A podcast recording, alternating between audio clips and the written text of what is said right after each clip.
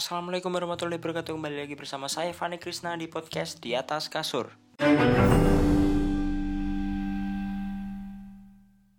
Di podcast kali ini mau ngomongin tentang drakor sama sinetron Indonesia ya. Ya dua ini sebenarnya sama sih. Tapi terbedakan sama negaranya mungkin ya. Orang-orang pembuatnya. Kalau drakor ini kan dibuat sama orang Korea. Tapi kalau sinetron ya sinetron Indonesia ya buat sama orang Indonesia. Terus apa aja sih yang membuat drakor ini bisa lebih hebat lebih bagus daripada sinetron Indonesia? Yang pertama itu cerita drakor itu agak bukan agak sih emang menarik itu. Maksudnya nggak monoton. Kalau sinetron Indonesia itu kan kita bisa lihat ceritanya mungkin itu itu aja. Nanti akhirnya tabrak mobil lah atau tentang berantem perang gitu.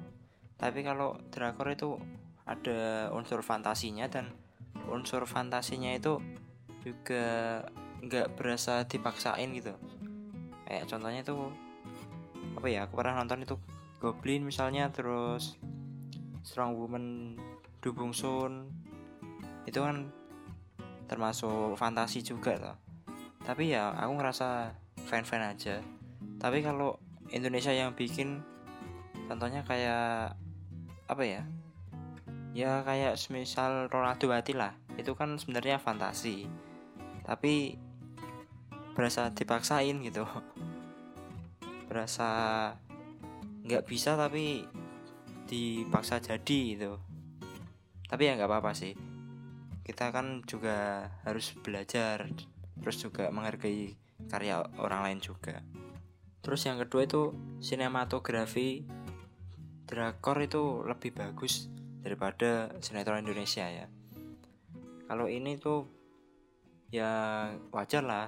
Kan Korea Korea Korea Selatan memang negara maju gitu.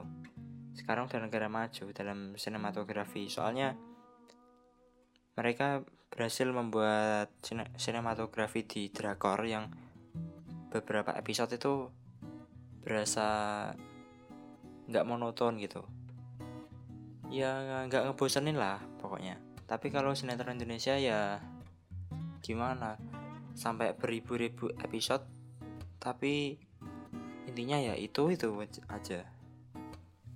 Terus kalau dalam efek visual ya lebih bagus drakor tentunya.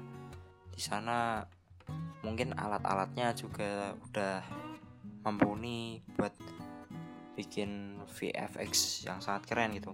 Contohnya kemarin itu di film eh kok di film? Di drakor Goblin kan ada yang editan pedang itu yang nusuk sama si Gong Yu.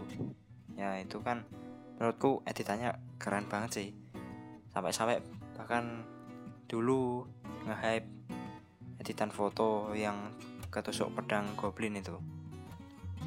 Terus yang bikin drakor laris itu disukai sama terutama cewek-cewek ya. Tapi kalau cowok jarang. Tapi aku suka sih nonton ya nggak terlalu maniak juga. Kalau faktor utamanya paling ya ini cash atau pemerannya itu menurut mereka ya itu ganteng-ganteng. Kalau di sinetron Indonesia walaupun udah ada label ganteng-ganteng seri galah tapi ya tetap aja nggak nggak selaris drakor ini cuma beberapa episode terus udahan bubar gitu. Malah yang bikin rame menurutku drama dramanya itu. Drama di luar sinetron maksudku. Ada yang bilang ini pacaran sama inilah. Ya gitulah tau lah terus faktor penting lagi yang mungkin jadi faktor utama itu. Paling ya budget gitu kalau budgetnya ada kemungkinan bisa membuat film bagus itu jadi lebih besar gitu. Ya di samping budget juga ada faktor-faktor yang lain sih. Contohnya SDM atau tingkat SDM para tim gitu. Apakah timnya itu udah mampu atau masih perlu belajar lagi? Lah kalau di sinetron Indonesia menurutku harus lebih belajar lagi ya tapi nggak apa-apa kok. Ini udah termasuk bagus lah.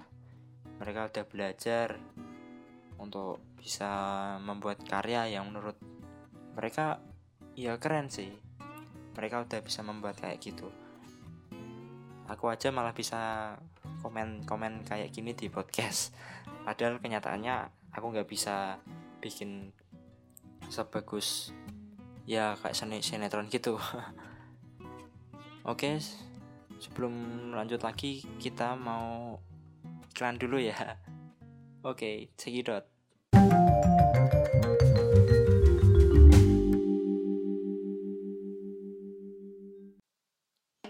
hmm cuaca hari ini cerah ya ya ya ya kalau di sini cerah sih. Nggak tahu di tempat lain.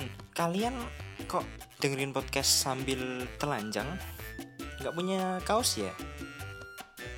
Hmm, atau nggak punya uang beli kaos? Atau mau beli kaos tapi modelnya itu itu aja? Hmm, aku punya solusinya. Teman aku Yusuf Akbar open pre-order kaos. Iya yeah. kaosnya itu nanti bisa cek di IG at Yusuf Akbar kaosnya ini tentunya menarik banget. Waduh keren banget. Karena bahan cotton combat 30S terus juga sablon rubber gitu. Harganya cuma 100 ribu rupiah. Nah murah banget kan? Buat kalian yang pelajar kere mungkin bisa nih pesan kaos di at Yusuf Akbar. Desainnya keren dan kekinian tentunya cek aja di at Yusuf Akbar.